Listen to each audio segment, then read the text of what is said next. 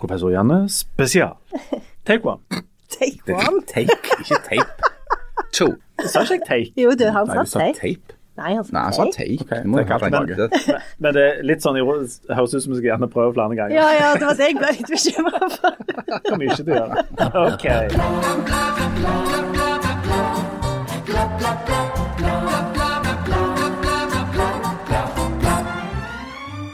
En Sharp videospiller koster 4000 kroner. Slovenia og Kroatia er nye land, men det er borgerkrig i Bosnia. EF blir til EU. TV 2 har sine første sendinger. Rockset og Ace of Base herjer på hitlistene. Og der sitter Janne Stigen, ikke professor eller drangsatt ennå, og bare What's in it for me?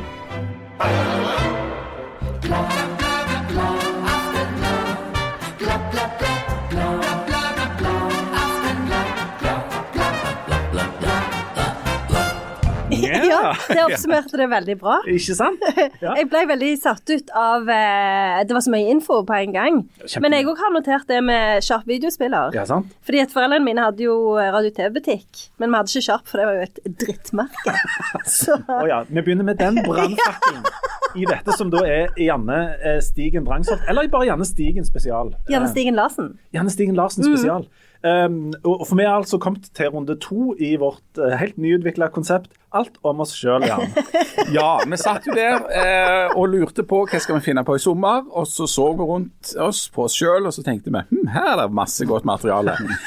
I so Nå fikk jeg kaffe i nesen. Nå fikk eh, Janne Stigen Nå har Janne kaffe i nesen, Eh, men ellers går det greit. Nei, men vi skal, det vi gjør i sommer er at vi går tilbake til vår egen 18-årsdag og ser både hvordan vi sjøl så ut da, hvordan verden så ut da, og hvordan alt var. Um, det er jo en interessant dato, fordi at det er da du blir myndig. Du står rett framfor det å, å, å bli voksen, og du har vært ungdom, og mye skal liksom legges der. Og så skal vi plassere individ i samfunn. Og så tar vi jo litt utgangspunkt i den avisa som tre av oss jobber i, og hva den var opptatt av på den dagen. Sier du at jeg ikke jobber i Stavanger Aftenblad? Men Du jobber, du jobber jo overalt, Janne. Ja. Det er vel omtrent den eneste plassen der du ikke er 100 fast ansatt ennå.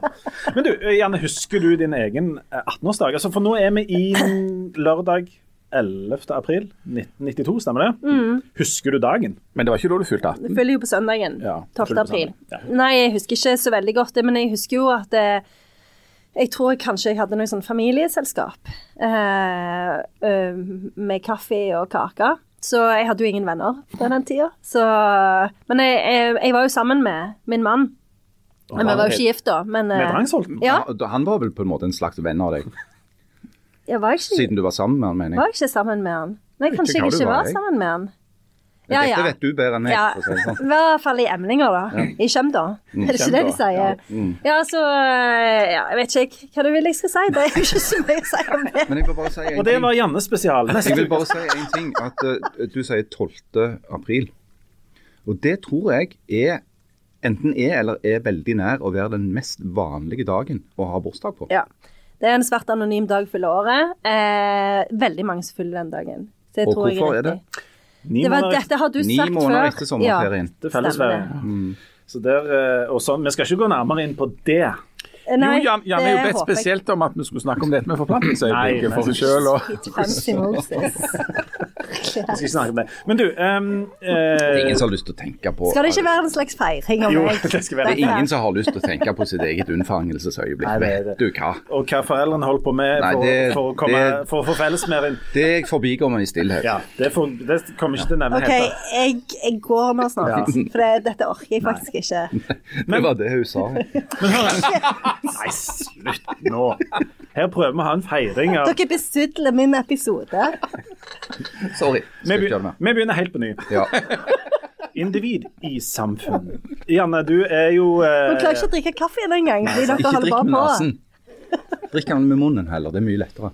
Du blir så veldig solbrent på det, så den stikker sånn ut. Nei, nå har vi nå, nå prøver vi å plassere individ i samfunn her. Og når vi snakker om samfunn her, så snakker vi jo om Sandnes. Ikke sant? Eh, Dine foreldre eh, drev eh, butikk, forretning, uten sharp videospiller, eh, men med alt slags annet. i- Ja, med Maxell opptakskassett som kosta ti kroner. Eh, men det var for 60 minutter, så det, det var jeg ikke spesielt fan av, eh, fordi de var altfor korte. Så det var jo best med 90. Men på den tida så husker jeg òg at de hadde noen Sony-opptakskassetter som var på 110 minutter, og de var så bra. De fikk jeg aldri tak i. Nei, de hadde vi i butikken vår. Jøsses. Så du skulle kommet til Sandnes. For du er litt sånn oppvokst i en uh, høyteknologisk bedrift i, midt i Langgata, ikke sant? Det stemmer. Og vi, Det sier vi på tøys, men det er jo sant. Kan ikke du fortelle litt om eh, omgivelsene Jo. deg som 18-åring? Vi hadde Skal jeg beskrive butikken litt nøye? Ja. Ja. Det, vi hadde jo en egen eh, eh, vegg med kassetter. Eh, og så hadde vi sånne eh,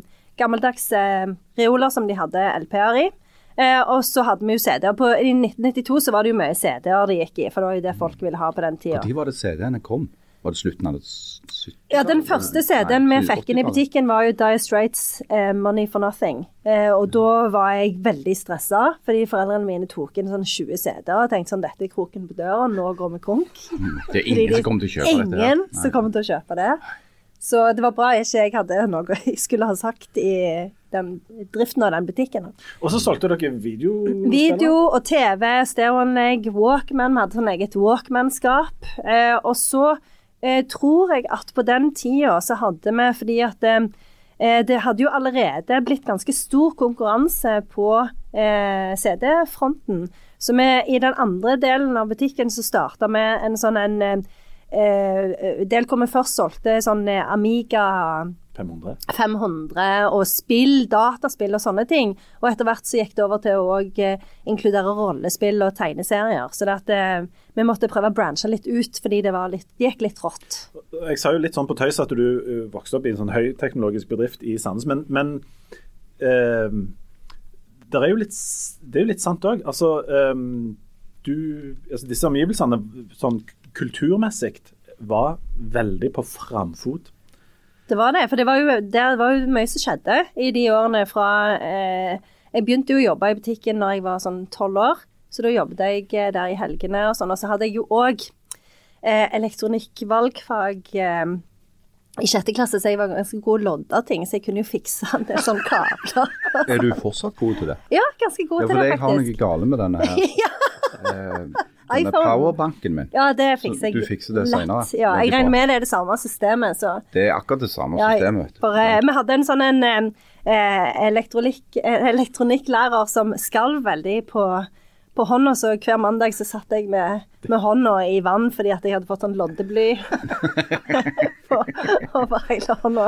Du, du, en, du endte jo opp med eh, å være, bli enormt interessert i, eh, i musikk og film og alt dette. her. Har det sammenheng med opp, oppveksten din i denne butikken, eller hvordan det var hjemme hos dere? Eller? Ja, jeg tror det er mest eh, Eller delvis butikken, da. Jeg begynte veldig tidlig å samle på Grand Prix-singler. Sånn i 1981 er vel den første Grand Prix-singelen fra. seg. mye, fra Bel mye bra fra Belgia og Benelux-landet generelt fra den perioden, da. Det er jo et rikt område for populærmusikk. Ja, Benelux. det er Benelux. Men det som var veldig sårt på denne tida, da, det var jo eh, at eh, eh, nesten alle jeg kjente, gikk og handla konsekvent på Ivar Skei.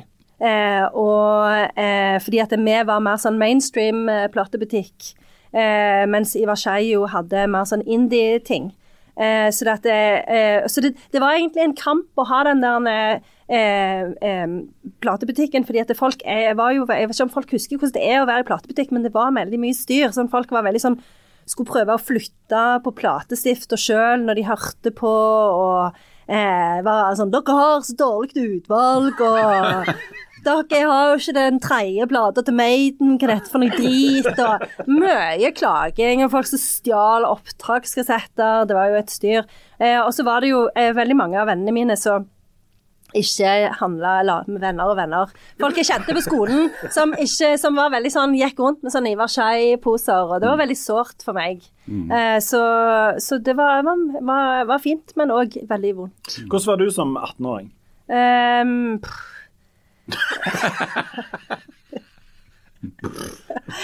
Nei, jeg I don't know. Jeg, som vi snakket jo hva Harald skulle bli. Jeg, han visste jo ikke, men jeg visste jo veldig godt hva jeg skulle bli. Jeg skulle enten eh, begynne på befalsskolen, eh, eller så skulle jeg eh, bli sånn eh, Hva det heter sånn flygeleder. så, så dette, jeg hadde jo klarene klare. eller eh, befal, offiser i Ja. Forsvaret. Hvorfor ville du bli det? Var du så opptatt av eh, forsvarsviljen, eller av Det var fordi at jeg var besatt av um, Sigourney Weaver i Alien-filmene.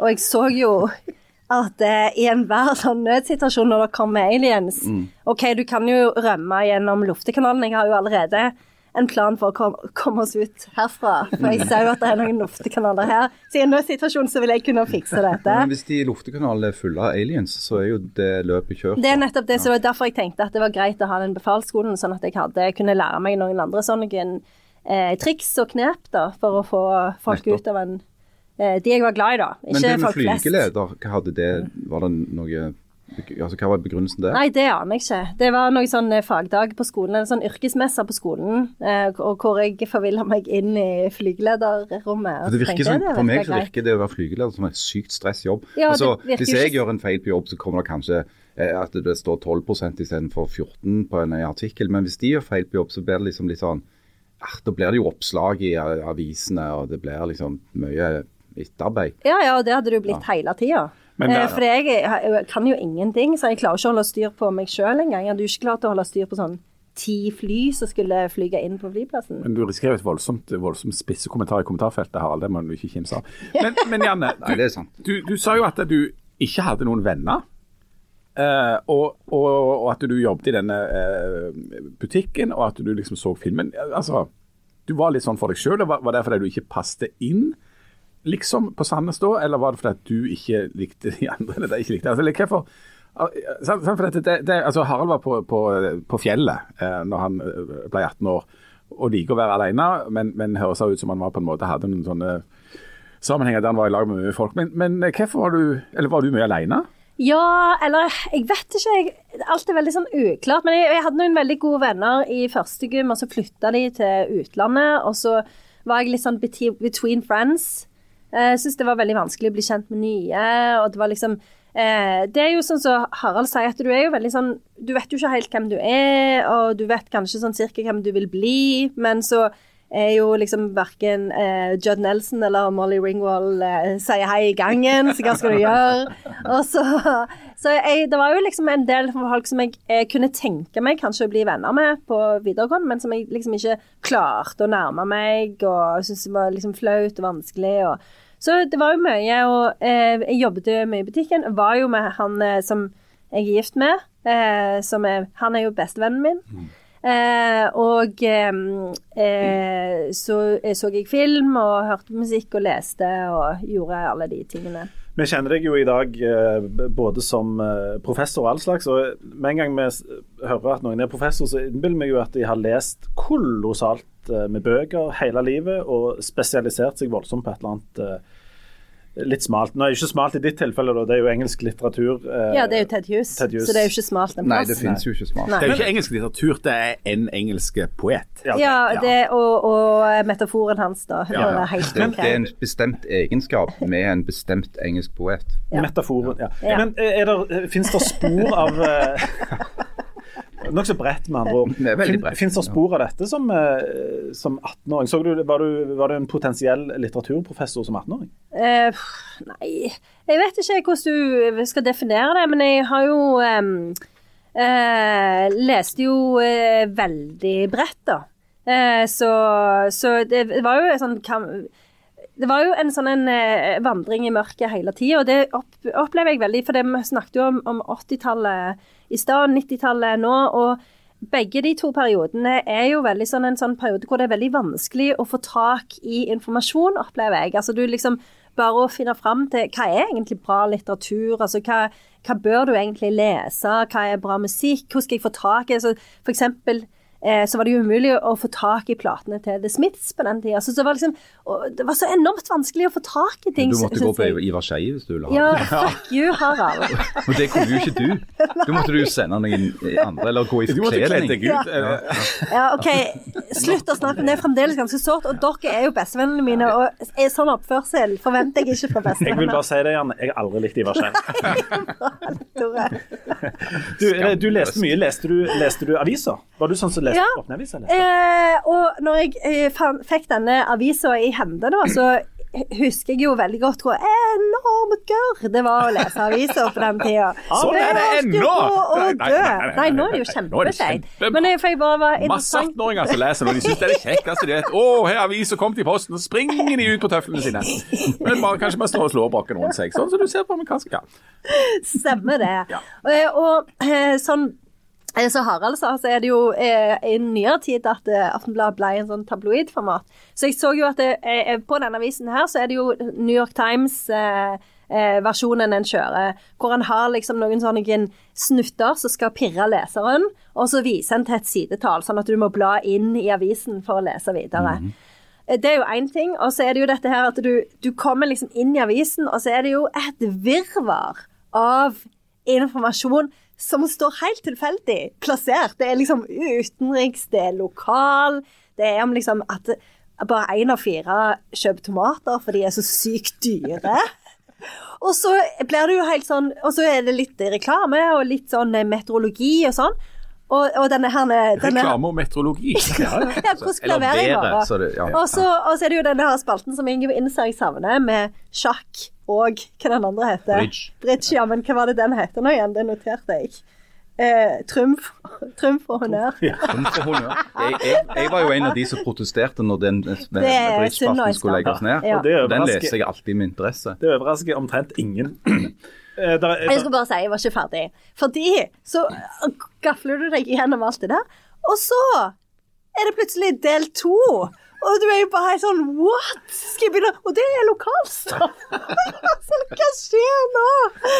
Veldig forvirrende. Og så var jo òg dette en slags påskeavis, da. Så det var jo mye påskestoff i tillegg, så det tok jo aldri slutt. Jeg mista viljen til å leve omtrent halvveis. Det var fire deler, tror jeg. Ja. Så det var en egen del for sport. Sant? En egen del for for ikke- lokal. En egen del for gud vet kultur, kanskje. Og så en sånn første del så var det sånn litt av alt. Men, Jeg skjønner ikke hvordan det er mulig å produsere så mye. men en observasjon da må jo være at det må ha skjedd enormt mye mer da. Altså Hvis det skjedde så mye at de kunne fylle fire deler eh, i sånn fullformat, så, så må det jo rent logisk da ha skjedd utrolig mye mer enn nå, når det bare er én del i eh, tabloidformat. Eh, Ja. Nei. Det, oh, nei, det var sånn. det var jo det med de tomatene, blant annet. Ja, ja, Men ja. det, det, det kan vi avkrefte, for det, en av disse fullformatsidene eh, består av at eh, noen rapporterer om at påskeferien starter med pølsekø. ja, I Mesjavika. Ja. Og der er, eh, der er side opp og side ned med eh, spalten offisielt fra statsråd. Eh, vi har jo, sitt, vi har jo le- gått gjennom alle disse avisene, og, og alle de som mener at avisen var mye bedre før, anbefaler jeg å lese en gammel avis, og så kan vi ta den diskusjonen etterpå. Men du, du har jo sett på den avisen som kom da- den dagen, eller strengt tatt dagen før. Eh, Hva, hva var, hvordan så verden ut sett fra Stavanger Aftenblad sine røykfulle lokaler? Det var eh, terrorangrep i London, IRA. Så da føltes det jo veldig lenge siden dette her. Og så var det jo Jeg klarte ikke å konsentrere meg engang. Det var veldig mye kjedelige ting. Jo, den der Anne-dokka hadde suksess i USA. Eh, og det var jo litt tøft, for da begynte jeg jo å tenke på den Smooth Criminal. Eh, siden den eh, Annie Are You OK? Det er jo en referanse til Anne-dokka Ja, ja, ja. fra sjøl- selveste Lærdal Medicals. Og Michael Så- Jackson. sant? og Michael Jackson, en, en popkulturell link til Stavanger. Ja, så det var litt Når tøft, Michael Jackson gikk på skolen, tror jeg, så hadde de sånn livredningskurs sånn som de har for uh, unger, og da var det denne Arne Dokker. Så han husket, og så skrev han om det i den sangen. Ja. Og så, eh, men eh, En brannfakkel var jo at eh, Bjørn Bue hadde sagt ja til utdeling av nattverd i et sånn en indremisjon. For de som ikke måtte huske hvem Bjørn Bue var. Eh, Han var biskop i Ja. Stavanger, bispedømme. og hvorfor var det radikalt at han hadde sagt fordi at de fleste biskopene mente at nattverden skal forvaltes av geistlige, så du kan liksom ikke bare sende den ut til de der indremisjonene og gi de lov til å gjennomføre nattverd.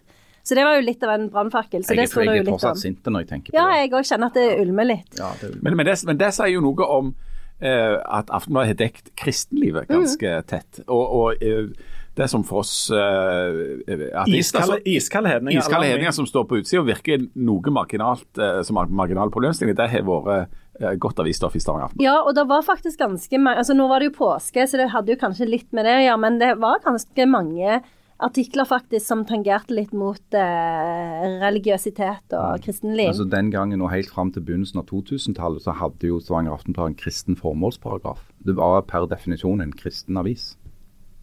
Og her er det, det er utgreininger om de forskjellige påskedagene, og nærmest Eh, Og til og med jeg som, som eh, jo har eh, ikke noe voldsomt imot at det, dette omtales, så er det jo nesten en litt sånn forkynnende preg på, på ganske mye av det. I en sånn stil som eh, vi neppe hadde brukt i dag. Det må være lov å si. Ja, Det, du, det du kan kalle en sånn innforståtte tone. Ja. Det, altså, det, det, det er saker om tro og, og liv skrevet av kristne folk for kristne folk. Ja. var du eh. Janne, innrullert? Du er jo nå uh, Norges mest aktive kirketjener og sånt. Var du innrullert i noen kirkegreier når du var 18? Nei, nei. Jeg var jo livredd, for jeg visste jo at jeg kom til å komme til helvete Ja, ganske straks. Men, men forutsetningen for å vite at du kommer til helvete, det er jo at du er kristelig. Ja, ja, vi, så jeg andre, var jo vi andre kan jo leve helt rolig. Heldige dere. Det må du tenke litt på. Anbefaler Jan. hedningskap og ateismen til alle. Da får du et mye roligere liv. Slipper angst for helvete, blant annet, for det finnes ikke. Ja, ja, så du gikk rundt i, men du, altså, i kristen angst, da? Ja, ja. Jeg var jo ikke med i noen menighet. Det, hadde jo, det er jo helt absurd å tenke på, for jeg var jo mest for meg sjøl. Men hvorfor var du kristen? Eller ble du det? Var, eh, var du det fra før av? Ja, jeg har alltid vært kristen. Var hele familien kristelig? Nei, bare meg. Bare du, ja. Ok. ja. Så også der skilte du deg ut Ja. i din egen flokk? Ja, ja. Men, men jeg, jeg tror ikke ærlig, ærlig talt altså Når du er 18 år, om du enten er kristelig og redd for å komme til helvete, eller du er 18 år og beinhard ateist, og så helt til du plutselig innser at det betyr at livet ikke har noen mening overhodet.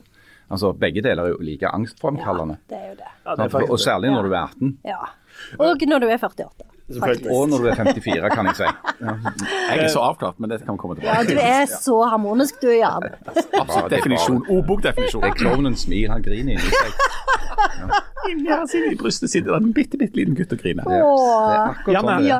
Janne, hadde, Janne, hadde du et, eh, et voldsomt eh, bestemt bilde av hvordan verden var og så ut? Um, var du oppvokst med sydenferie? Vi snakket jo om Harald. Han, de reiste på flotte ferier til, til Øst-Europa. Øst-Europa. Ja. Til Polen og til, Og Suldal, ikke minst. Prøve, å bli mindre kommunistiske. Hvor, eh, Reiste dere til utlandet? Liksom, hadde du noe sånn inntrykk av verden når du var 18 år? Ja, vi reiste ganske mye til utlandet, eh, og var stort Altså, vi var, var jo mye i Syden. Eh, og så var vi likte bilferie eh, til kontinentet. Og da eh, var vi utelukkende på ulike steder som markerte andre verdenskrig på et eller annet vis. Så det var Det være seg eh, kir- krigskirkegårder, eh, eh, D- D-dag strand og Dette er, også, dette er min former for far sin drømmeferie museum. òg. Ja. Hvis han bare kunne dratt rundt på krigskirkegårder en hel sommer, så hadde han vært så lykkelig som aldri har vært. Ja. Ja. Så det var bl.a. en dag veldig dårlig stemning på Jersey, helt til vi fant ut at her er det jo et krigshospital. Så da ble eh, stemningen kjempegod kjempegod blant visse medlemmer i familien. Så Nei, så det, det var mye andre verdenskrig-bevissthet eh, som prega de sommerferiene. Så du, er, du var allerede for barnsbarn veldig opptatt av andre verdenskrig og slag og, og utviklinga der på takmarka? Ja. Eh, Utrolig hvordan et slag plutselig kan snu. Oi. Og Hvis dere hadde reist um, fra Jersey og, og Norge lenger øst, og sånn, så kunne dere jo risikert å havne i eh, det som vi vel alle kanskje trodde var den siste liksom, krigen i, i Europa. For nå er vi vel i, i starten av uh, krigen på Balkan, er vi ikke det? Med det. Um, som, som Der har det, har det vært noen eh, litt sånn tilløp, og så tar det seg til. Den krigen varte vel i 7-8 år, gjør ikke det? 91 til 99 eller noe sånt, hvis vi tar med alt. Ja, hvis du tar med alt, ja. Hvis du regner det, konflikten i Kosovo som avslutningen på det, så er det riktig, det. Husker du gjerne noe om eh, Altså av det greiene der? Nei, ikke så veldig mye. Altså, jeg, jeg husker jo at det var en krig, men jeg, jeg, det var ikke sånn at det, det, det, traff, traff meg jo, men jeg var liksom ikke sånn var ikke sånn eh, engasjert eh, på samme måte som, som, som Harald eh, var. Jeg så jo at det sto noe om krigen i avisen og sånn òg, jeg registrerte jo at det fantes, men jeg var liksom ikke sånn konkret bekymra, altså sånn at det berørte meg personlig, men som medmenneske så berørte det meg jo selvfølgelig. Men En liten sånn recap om, om krigen på Balkan, som jo er et kolossalt komplisert uh, greie. Harald eller Jan. Hvem er det noen av dere som vil bare Jeg kan si litt om det, for, det, for, for min del så var det det var den første, den første på en måte konflikten som, som jeg opplevde i sanntid, når jeg samtidig var blitt voksen. Uh, og det jeg bl.a. som gjorde enormt inntrykk på meg, det var fotojournalistikken som kom ut fra konflikten på Balkan. Altså hvor disse krigsfotografene, type eh, Ron Haviv eller eh, jeg, det, var mange, mange, av de store eh, som senere ble sånne internasjonale berømtheter. De debuterte i, i gåseøyne på, på, slagmarken i, i Bosnia. Eh, og husker de her bildeseriene f.eks. fra Srebrenica etter den massakren på de muslimske guttene og mennene i den byen. Uh, det gjorde et enormt inntrykk. og så, syns jeg òg det var så forvirrende, fordi at uh, f.eks. vår egen utenriksminister Thorvald Stoltenberg han spilte jo en sånn meklerrolle på Balkan. fordi at eh, under andre verdenskrig så var jo serberne de var jo våre venner da. Sant? Og serbiske krigsfanger fikk hjelp, og det var et nært forhold mellom det norske Arbeiderpartiet og, og serbiske eh, myndigheter og, og, og, samfunnsaktører. Og så plutselig så var serberne fienden. Sant? Det var de som sto for disse overgrepene. De gikk fra å være de snille til å bli de slemme.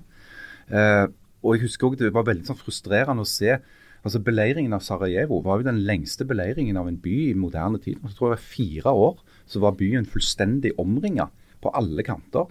Uh, og innbyggerne i Sarajevo levde med dette dag ut og dag inn. Snikskyttere, bombing, granater. Og så satt bare FN og så på. Altså, det, det virka som om ingen klarte å gjøre noe med det.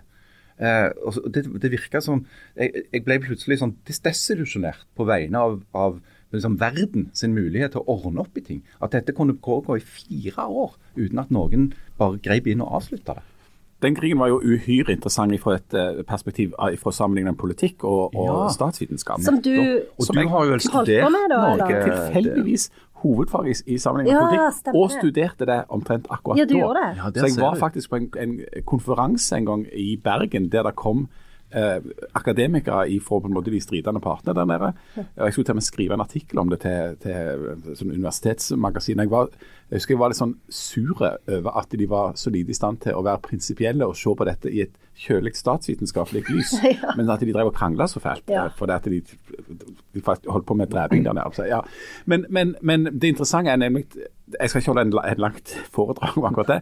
Akkurat Balkan er den plassen der en hel drøss med konfliktlinjer møtes. Altså Det var der de gamle imperiene eh, hadde sine grenser. Og det, og det, er der du finner grenser for på en måte, altså både religiøse og etniske og en masse andre sånne ting, som gjorde at egentlig så skulle Jugoslavia være en umulighet. Eh, det var, men det ble holdt sammen da av, av eh, han som var president, som heter Tito. Når han døde, så ramla dette ifra hverandre. Men det var jo, for å trekke linja opp til i dag, det som jo alle snakket om, og det som var veldig sånn Det store temaet var at her er det en krig i Europa. Mm. Det trodde vi vi var ferdige med. Et, eh, altså, etter andre verdenskrig så skulle det ikke bli mer krig i Europa. Og Så spoler du fram til 2022, og så er det krig i Europa igjen. Så det, mm, Der er det et sånn uh, trist ekko. Og Dette for, foregikk jo um, Du ble 18 liksom, litt sånn i, i oppsegn av dette. Hadde du et sånn lyst og positivt syn på, på verden, eller syns du det var mørkt og, og vanskelig å være redd for ting? Husker ikke, Leif Tjore. Jeg vil tro at jeg var veldig redd. Jeg er jo redd hele tida. Det er jo det jeg er. Så antagelig ja. Eh, det jo, eh, var jo eh, mye skummelt. Det var jo Men jeg, jeg syns jeg tror kanskje at det, altså, For du hadde jo vært redd for atomkrig gjennom hele oppveksten, og så var du kjemperedd for å drikke vannet fordi det var becquerel i det etter Tsjernobyl. Så det var jo liksom den ene tingen å være redd for etter den andre. Og selvfølgelig så var han jo redd eh, pga. den um, versjonen i, i Irak. Mm. Ja. Eh, året før. Så det var jo veldig mye å være redd for.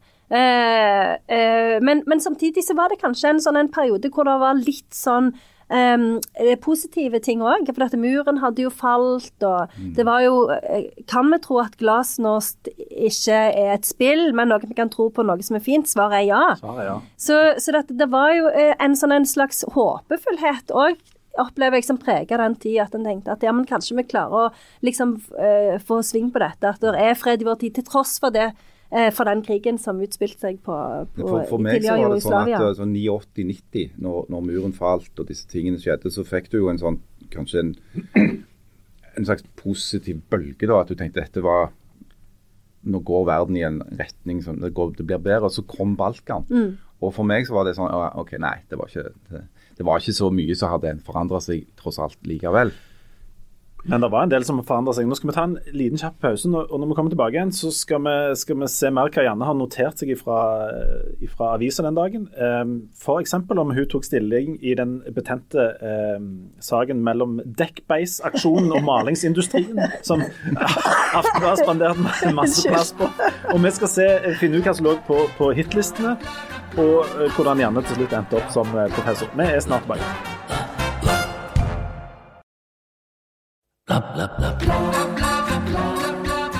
Hjertelig velkommen tilbake til Janne Stigen Larsen spesial. Eh, vi avslutta litt depressivt med, med, Balkan og sånt eh, sist. Og det, dette var ikke det som lå aller lengst framme i pannen din hele tida, men det gjorde jo musikk og film og sånt, for det har du holdt på med helt siden egentlig alltid, ikke sant? Ja, og det er noen veldig gøye kulturting i denne avisen. Blant annet, og det er gjerne ta det aller først, fordi det står jo eh, en artikkel om LO-rock som skulle arrangeres på Folken. Eh, og der skulle det jo være eh, finale i, eh, i Oslo, eh, på Sentrum Scene, tror jeg det var, eh, mot sommeren. Og der var, husker jeg jeg var. Og da hadde jeg fått sertifikatet, så dette her er jo etter på 18-årsdagen. Da deltok eh, min mann, fordi han var vokalist i um, bandet 1992 Lovers. Uh. og, og, de, og, de, spilte sin store hit uh, 'Depressed and Diving' på LO Rock. Så da var jeg og noen andre og så på de. Og det gikk jo ikke spesielt bra. Det var ikke de som kom på, til Oslo, for å si det sånn. Jeg tror for jeg snakket med han i går om det, og jeg syns at det, å huske at det var 60 Sone Satan som vant. Men jeg er jammen ikke helt sikker på om det stemmer. Og det var de som egentlig heter 60 Sone Satan and The Ford Sierras. Og ja, det kan godt være. Ja, det kan godt være. Ja. Det var for å slå gjennom internasjonalt. Så det var jo én ting som var ganske gøy. De hadde jo òg eh, to andre sanger som heter uh, Boots Rave uh, og ja, Jeg husker ikke hva den siste var. Uh, men i hvert fall så, så, um, så var det òg en, en artikkel eller, om at Modesty Blaze var nummer ni på indie-listene i Italia. Og det var jo litt gøy, for Modesty Blaze var jo et Sandnes-band. Eh, og PT, eh, eh, som var et sentralt medlem i Modesty Blaze, han kom ofte innom og kjefter på oss fordi at vi gjerne hadde tatt ned plakaten med at de skulle ha konsert for tidlig. Mm. Så det var ganske mye. For Ivar Skei hadde han fortsatt. ja, det. Så mm. vi hadde et veldig sånn love-hate-forhold til Modesty Blaze. Um, i butikken, da. Eh, og der, Det var jo Face the Sun-albumet, selvfølgelig, det er snakk om her. Eh, og Da står det òg at eh, Modesty Blaze faktisk skulle være med på Pandoras Jukebox med Sigbjørn Nedland eh, den uka. Eh, sammen med andre band som eh, Tormod, eller Tormod Eikel, soloartist. Ingenting, Dayman og California Über Alles, som jo òg var et Sandnes-band. Så det, da følte jeg at det, Sandnes var liksom sånn sterkt representert på kultursida. Det syns jeg var veldig kjekt å, å se. California og Uberals de hadde tatt navnet etter en tittel fra en Dead Kennedys-sang. da. Stemmer det. Mm. Jeg bare så de på Checkpoint. Ja. Um, Trond Arne Finsen spilte gitar. Etter det så jeg har alltid sagt til ham at han er verdens beste gitarist. Og Det blir han så smigrer over, for det vet han jo at han ikke. Men Modesty Blaze husker jeg, altså, jeg, jeg var jo musikkinteressert på det tidspunktet der, og, og vi reiste til Stavanger, og, og for stort sett alltid i Stavanger, da, eh, på konserter da, på forskjellige sånne rockeklubber og sånt. Altså Utelivet hadde jo blitt til noe annet da, tror jeg, enn, det hadde vært tidligere når Stavanger var en helt død by. Så det var jo veldig eksotisk og veldig stas. Ja, det var veldig stas. Og det var jo aldri noen konserter i Sandnes jeg kan huske. Kanskje ingenting, det vet jeg ikke. Men eh, vi òg reiste jo alltid til Stavanger og så gikk på Folken. Kjøpte én ja, litt vond kaffe. Eh, og det var det eneste, for jeg var jo straight edger på den tida. Folken var jo 87, tror jeg, åpna, og så kom Checkpoint ganske raskt etter det. Eh, og så kom jo sånne ting som Mr. Jones og Akaya. Eh, og så plutselig så ble det jo flere steder som liksom tilbudte tilbudde da eh, populærmusikk av et visst kaliber. Og, og, du fikk liksom band som kom til Stavanger som eh, tidligere bare hadde spilt i Oslo og Bergen, kanskje. Eh, jeg tenker ikke på et sånt stadionband, men at du fikk innom iallfall navn som, som var på listene. da. Sånn som Stan Ridgway var i Stavanger og spilte på Folken. Eh, det var litt, litt sånn svært, sant? fordi at han var en stor, ganske stor amerikansk artist på den tida. Apropos listene. Nå var jo Modesty Blaze eh, det, det største der. Og, og på indie-listene i Italia. Hvis vi går gå litt vekk fra indie-listene. La Ivar Skei holde på med det der indie-driten for seg sjøl, og går over mer til populærmusikk. Eh, så hvis vi går til VG-lista i 92, så starta altså den med Ten Sharp sin You. Husker dere det? Nei, altså jeg merker at på dette tidspunktet så har jeg datt litt ut av populærmusikken, fordi at jeg var jo veldig glad i indie-musikk sjøl. Så denne her husker jeg ikke i det hele tatt. Kan Kan du synge litt på den? Men, men hvordan gikk det når du sto der på den kommersielt orienterte AK Stigens platebutikk og ikke hørte Jeg drev jo også, også, også bestilte inn, så vi hadde jo indie-musikk, men det var ingen som anerkjente det. Okay. For alle var sånn 'Å, du, jeg Skei er beste! Mitt annet hjem! Jeg elsker det!' Og så bare sånn Å, shut the fuck up. Eh, og da, så jeg sto liksom der og så spilte Pixies Tromplement. Ingen hørte på. Så du hørte heller ikke på Go Go Gorilla sin Mother Porno? Som, og Go Go Gorilla sin Go Go Gorilla? Det er jo et eh, ekstremt dårlig Ja. år, eh, innser jeg. Ja, det er, Jeg var- det er et veldig forvirrende år. Jeg skal bare ta de Jeg bare smette inn her at jeg var selvsagt på Go Go Gorilla-konsert eh, på Hulen i Bergen, der det ble tatt et bilde av Studvest an- anmeldelsen utover mot publikum, der jeg eh, er helt i forkant og driver med en blanding av headbanging og noe sånn Houdini-aktig. Altså Kroppen min ser helt forskjellig ut, og det, er, ja, det ser ut som jeg har det voldsomt Du var i baris, akkurat sånn som, eh, som Alex eh, Rosén. Alex Rosén. som var Men vokalist. en veldig forvirrende musikalsk liste. fordi at eh, De neste som kommer, er altså Bruce Springsteen sin Human Touch, som jo er en, en brannfakkel. eh, for Ja.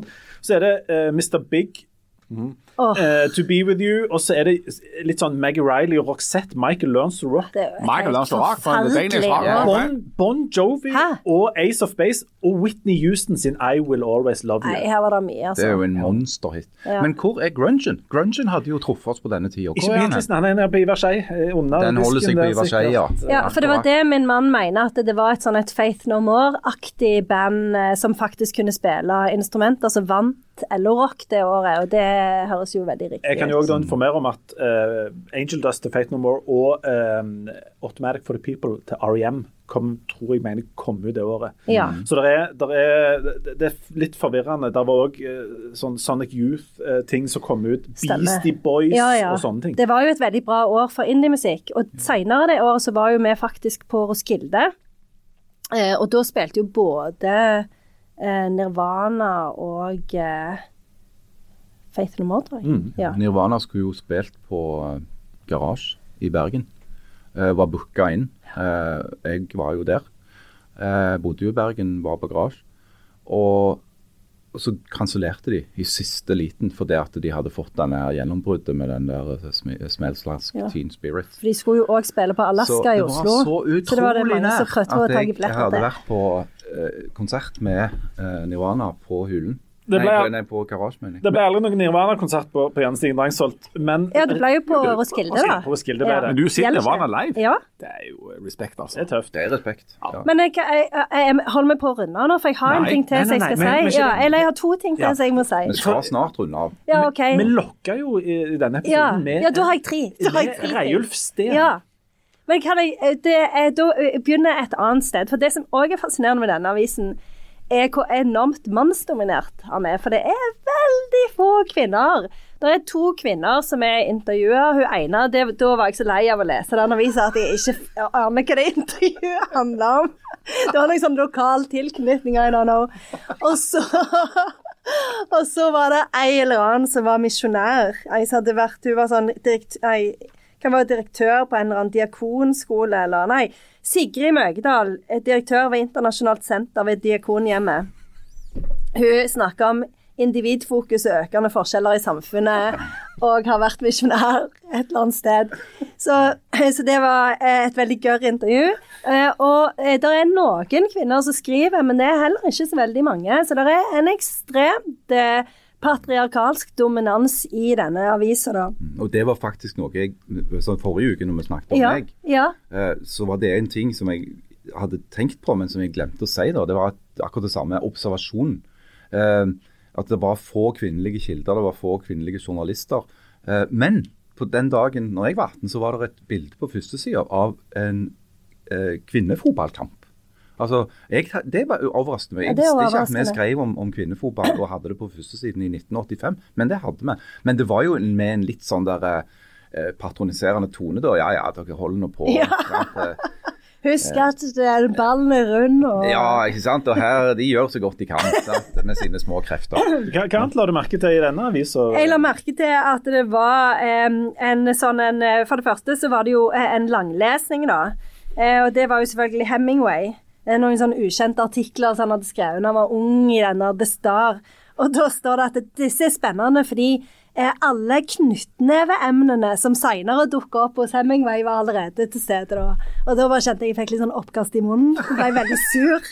Du er jo engelsk, eh, professor i engelsk litteratur. Du måtte være kjempeglad for at lenge etter at Hemingway er død, så har Aftenbladet en lang artikkel om er Og så ekstremt sånn fokus sånn, Det bildet, de typiske bildene når han har skjegg og er liksom ekstremt sånn tyrefekter eh, slash ambulansesjåfør i den spanske borgerkrigen-aktige. Så det ble jeg veldig sliten av. Og så var det jo eh, et portrettintervju med Reiulf Steen, og da bare hadde jeg lyst til å Nei, det ble mye, altså. Eh, eh, Reiulf Steen. Altså, jeg må lese litt av det. Og, og du, må, du må bare plassere Reiulf Steen for Ja. de som ikke måtte ha helt present hvem han eh, var. Ja, altså eh, Ap-politiker, ambassadør i Chile, eh, omstridt person, eh, litt eh, lett alkoholisert og eh, en kvinnebedårer, så vidt jeg kan huske. Vil du Ja, legge noe til? var- Han, han var jo partileder. Ja, ja, det Han, han var jo en av de mest sentrale ideologene i Arbeiderpartiet på ja, i 60-, 70-, 80-tallet. Og det var en maktkamp mellom han og Gro Harlem Brundtland. Ja. Det kunne ha blitt at Reilf Steen ble eh, statsministerkandidat, men det ble Gro Harlem Brundtland. Og så ble jo han da på en måte sendt til Chile.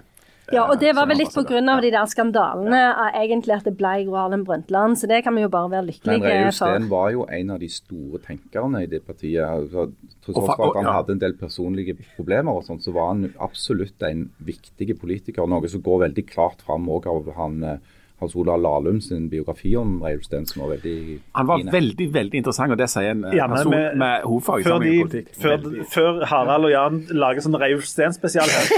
Kanskje, kanskje vi kan legge inn en sånn Reiulf Steen spesial? Nei, Jeg men disser ikke Reiulf Steen, men han gjør meg veldig sliten. Fordi at det er liksom eh, typisk det der fokuset som en har på denne her tida, hvor det liksom Og eh, altså, ja, det blir veldig mye om disse mennene. Men i hvert fall Reiulf Steen snakker om feminisme, da.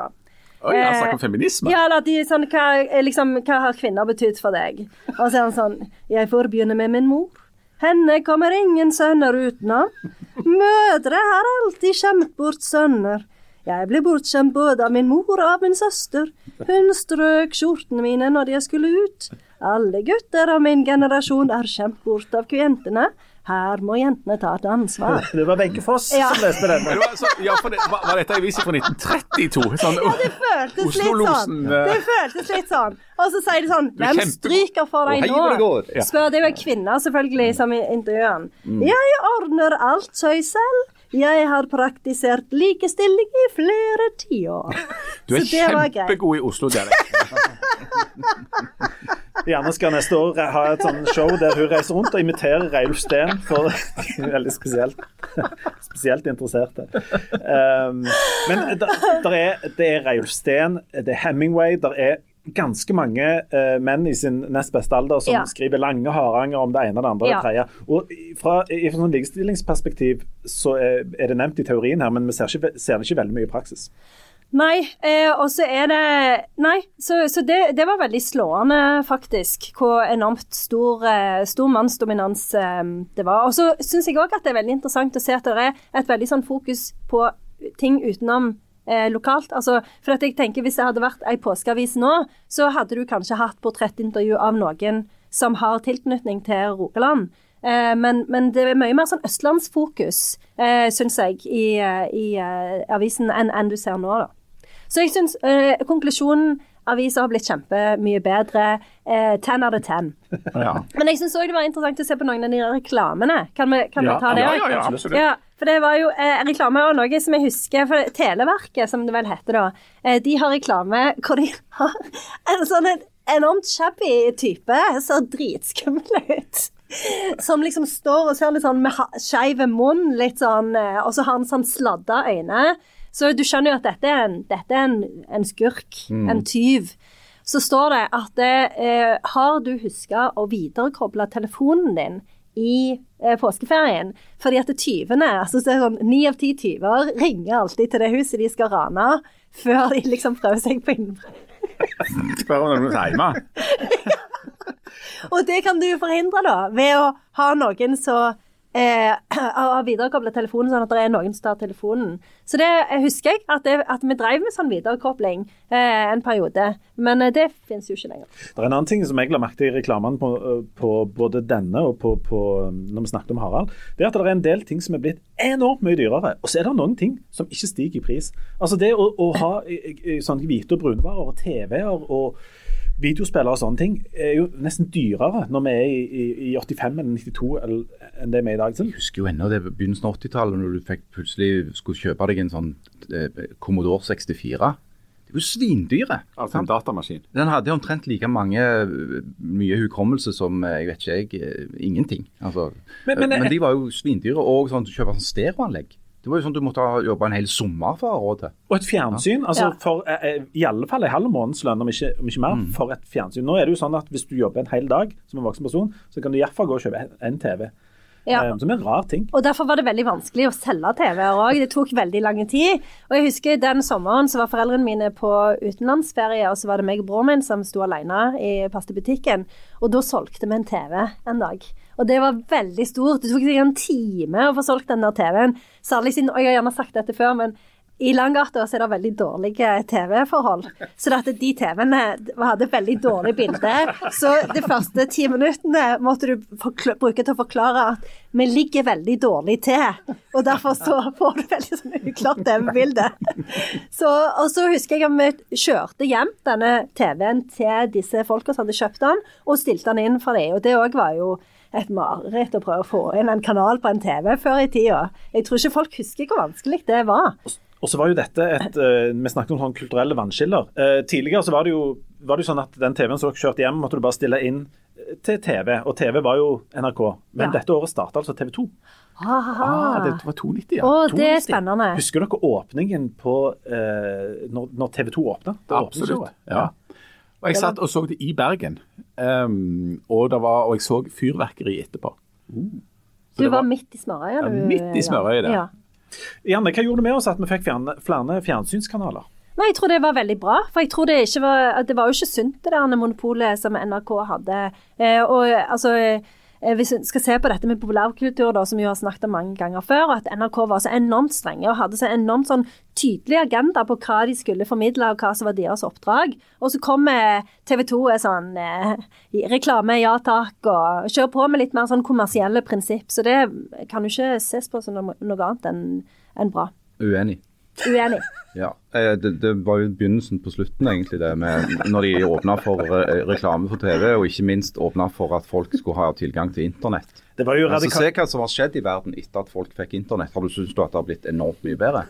Eh, nei, men jeg vet ikke om jeg syns jeg, ja, jeg vet ikke, Alt er jo drit hele tida, så jeg syns ikke akkurat det liksom er markert husker- dårligere. Dette var jo 1992, helt i begynnelsen av internett. sant? Ja, Det begynte jo for alvor i 89-90. Eh, og der satt folk og sa ja, nå kommer liksom alle til å få inn, inn tilgang til informasjon. Alle kan ta informerte valg, og dette kommer bare til å bringe demokratiet til, nye eh, høyder. Eh, nå, eh, noen år senere, syns du det gikk? Eh, jeg, nå er det alle bare har en eh, samtale med innestemme fordi at de har tilgang til all informasjon og kan gjøre seg informerte valg. Eller Så- så eh, denne har det skjedd noe annet? Denne uka så kommer jo Håkan Hellstrøm med en ny plate, eller en Du, sang. du, du, du sitter og tenker på at dette blir sannsynligvis kringkasta og hørt Ja, okay. helt annen uke, men OK. I ja. sommer, da. Ja. Tidlig på sommeren så kom Håkan Hellstrøm med en ny sang. Eh, tidligere måtte jeg ha bestilt den på singel hvis jeg skulle Altså i 1992. Hva kan jeg gjøre nå? Jeg kan gå inn på Spotify og bare få den med en gang. Det er jo det beste som kan skje. Så i et sånn, hvis du bare ser på Spotify, så tenker jeg tommel opp. Altså, det er jo Så du gode ting. tenker at fordi at du kan høre Håkon Hellstrøm på Spotify, så er det greit nok at internett har ødelagt demokratiet? Jeg skjønner jo at det, hvis du sier demokrati, og jeg sier Håkan Hellstrøm, så er det 1-0 til deg. Du sier Men- potato, I say potato. Ja, men jeg, nei, jeg sier ikke at det Håkan Hellstrøm og demokrati er det samme. Det sier jeg ikke.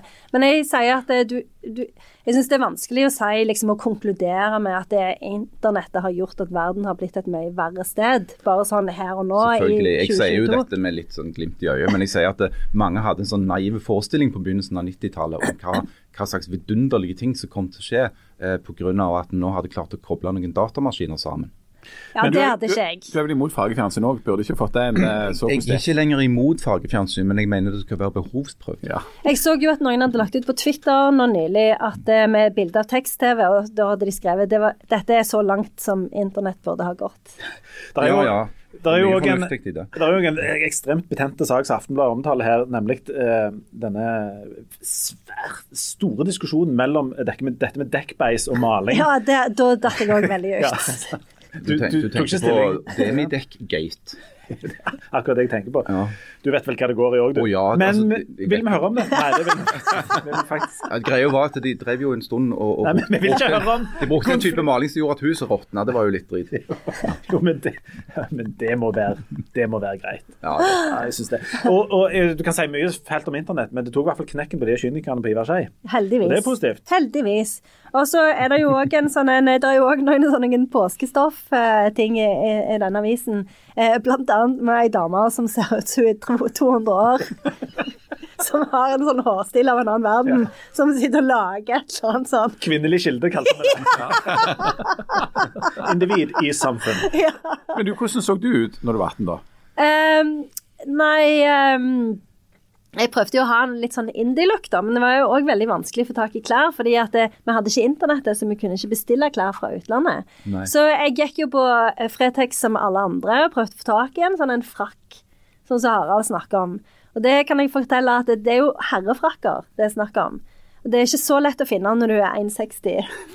En Nei, som men du kan jo ikke altså, få lagt den opp, da gjerne. Ja, OK. Jeg, jeg klarte ikke å få legge den opp, så jeg gikk rundt i en enormt stygge, altfor stor eh, frakk. Helt til vi hadde vært på Roskilde, og jeg kunne gå på bruktbutikk i København og kjøpe en skinnjakke. Og vi kan røpe at På Instagram så kommer dere til å få se bilder av alle oss som eh, omtrent 18-åringer. for å få, og det, det er jo ting du you can't unsee. eh, det- det kommer til å bli veldig veldig sterke inntrykk. Du, Vi skal, vi skal eh, begynne å, å runde av. Du ble jo til slutt professor i, i et eller annet eh, engelsk eh, litteratur, eh, som du ikke så veldig konturene av da. Eh, du ville bli flygeleder eller eh, oberst i, i, i Forsvaret. Altså, jeg ville jo egentlig, egentlig sånn, Hvis jeg skulle liksom være helt ærlig, så hadde jeg jo selvfølgelig egentlig lyst til å bli forfatter. Men det var jo ingen i Sandnes som ble det. Eh, så det var liksom ikke egentlig et alternativ. Okay, men det var Men det det ble du. Ja, på sett og vis. Tina Men hvor var det det skar seg? Eh, med flygeleder. Nei, med at du ble der du ble. Eh, det Si, var si du ikke fikk gjort det du hadde lyst til. Ja. Nei, jeg, jeg vet ikke, jeg syns det virker jo veldig sånn eh, jeg, jeg har bestemt meg for å ta engelsk fordi det var det faget jeg likte aller best på, på videregående. Og så fortsatte jeg å ta et fag som jeg hadde lyst til å ta uten å tenke på framtida. Det var jo det en gjorde på den tida. Tenkte en jo to, ikke på hva en skulle bli, en bare tenkte på hva en hadde lyst til å ta. Så derfor sitter jo alle, eller veldig mange i den generasjonen med sånn mastergrader som bare er helt utrolig tilfeldig slengt sammen. Og det gjør jo jeg òg. Jeg endte opp med å ta engelsk, eh, japansk og litteraturvitenskap. En, eh, fagkombinasjon som en kan bruke til ingenting. Jo, du kan bruke det til å kunne uttale Hiroshima riktig, Ja, altså. Hiroshima. Og en kan Nei, jo, det er ikke Hiroshima. Jo. Hiroshima er det. Og så kan en jo De har da- ja, kan jo tydeligvis bruke det til å bli professor i eh, engelsk litteratur, som Ja. mange ville sagt var eh, ganske høyt på strå. Ja, så jeg takker jo Gud for det, at det, det ordna seg til slutt. Eh, Det kunne fort gått veldig dårlig. Ja, hvis, ikke du, hvis du hadde kommet inn på befalsskolen, så hadde den samla globale kunnskapen om Ted Huge vært mye mindre. Eh, ja, den hadde jo vært mye, mye mindre. Så det Men- er sikkert mange som sitter og kjenner på en viss takknemlighet. Ja, ja, ja, ja. Men det hadde jo økt nivået på krigene, sånn uh, rent intellektuelt. Men vi skal gjerne ikke gå ned hele den, uh, den eh, gata. Men nå er, du, nå er det jo noen år siden, ikke så veldig mange år siden du var 18. Og så kan du få gjøre det samme som Harald, nemlig å fortelle ditt 18 år gamle jeg noen sannhetens ord om hvordan verden og, og livet ble. Nei, jeg vet ikke hva jeg skal si engang. Bare liksom Jo, men si du hadde kunnet blitt teleportert tilbake til 1992 Ja, nå. Gud forbi. Og truffe, Det er jo det og siste truffet truffe Janne. Stigen eh, i Langgata mens du ikke okay. gikk på, på platebutikken Skei. Hva hadde du sagt? Den drømmen du bærer på, om at eh, du kan lage ei spilleliste bare der og da av sanger, og slippe å ta opp opptakskassetter og bære den der tunge walkbanden eh, med deg hele tida, den kommer en dag til å bli sann. Så det er utrolig Det er det beste som har skjedd. Da hadde jo eh, Janne. Atten blitt veldig glad. Jeg blitt det. kjempeglad, for det var jo, jeg har jo fortalt det sjøl, har ikke det at jeg prøvde å teipe den rundt livet? Ja, så det Men hva du prøvd å teipe rundt livet? Walkmanen eh, med sånn gaffateip. Fordi at eh, jeg hadde jo lyst til å jogge og høre på musikk. Og så er jo den Sony Sports Walkman, det er jo bare eh, fake news, altså. Tre sekunders minne. Ja. ja jeg hadde òg Sony Sport, de, Ja. de gule. sant? Ja, ja. Og de, de, Tåler varm? Hvis, Nei. Hvis du rista på dem, så ble du bare tull. ja, så du sant? kunne de jo ikke, jo ikke jogge. Nei, men det prøvde jeg jo på. Så jeg prøvde jeg jo prøvde å å jogge, altså, men- teipe en sånn en Sony Sports Walkman rundt livet. Fikk jo ikke puste så godt, så når jeg kom ned til Ormaskogen, så måtte jeg jo prøve å rive den av, fordi jeg holdt jo på å dø. Um, Fulgte det med noe hud eller underhudsfett? da? ja, det vil jeg ikke snakke om. Men En Brazilian waxing av sin egen mage, faktisk. Ja, og nå kan jeg jo bare ha denne eh, telefonen i en sånn en magebelte og høre på hva jeg vil. Jeg kan jo skifte sanger underveis.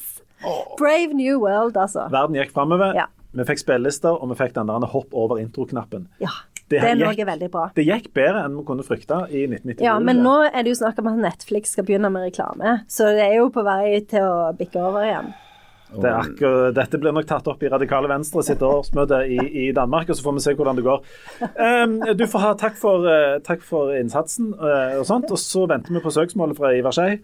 Um, som jo burde ha sluppet til her for, for, Han burde ha tilsvarsrett. Fått svar seg, ja. Han har fått mye nå. Ivar Skei. Ja, han har det. Og uh, tror vi er ferdige. Neste uke skal vi ta stein, saks, papir om det blir meg eller deg, Jan. Da blir det enten en varm fortelling om en grei gutt fra Hommersåk, eller en iskald kyniker fra Bryne. Uh, det kan jo bli interessant. Uh, tror Det ikke er bare å begynne å grue seg. Det er ingen grunn til å høre på som vanlig. Traumene står i kø. Men da er vi ferdige for i dag. Tusen takk, Janne. Ingen årsak. Eller ingen hårsmak, som vi jo sa på den tida. Vi er inspirert av Donald. Sandnes 1992. Ja. OK, takk for i dag. Ha det. Ha det. Det er sterkt. Det er sterke ord. Veldig sterkt. Ingen hårsmak, gamle gnier, sa Ja, Donald til Stemmer det. Og så var det Hva var det annet det var? Ingen hårsmak, og så var det Klabbert. Ja, og takk som spyr. Takk som spyr. Ja. ja.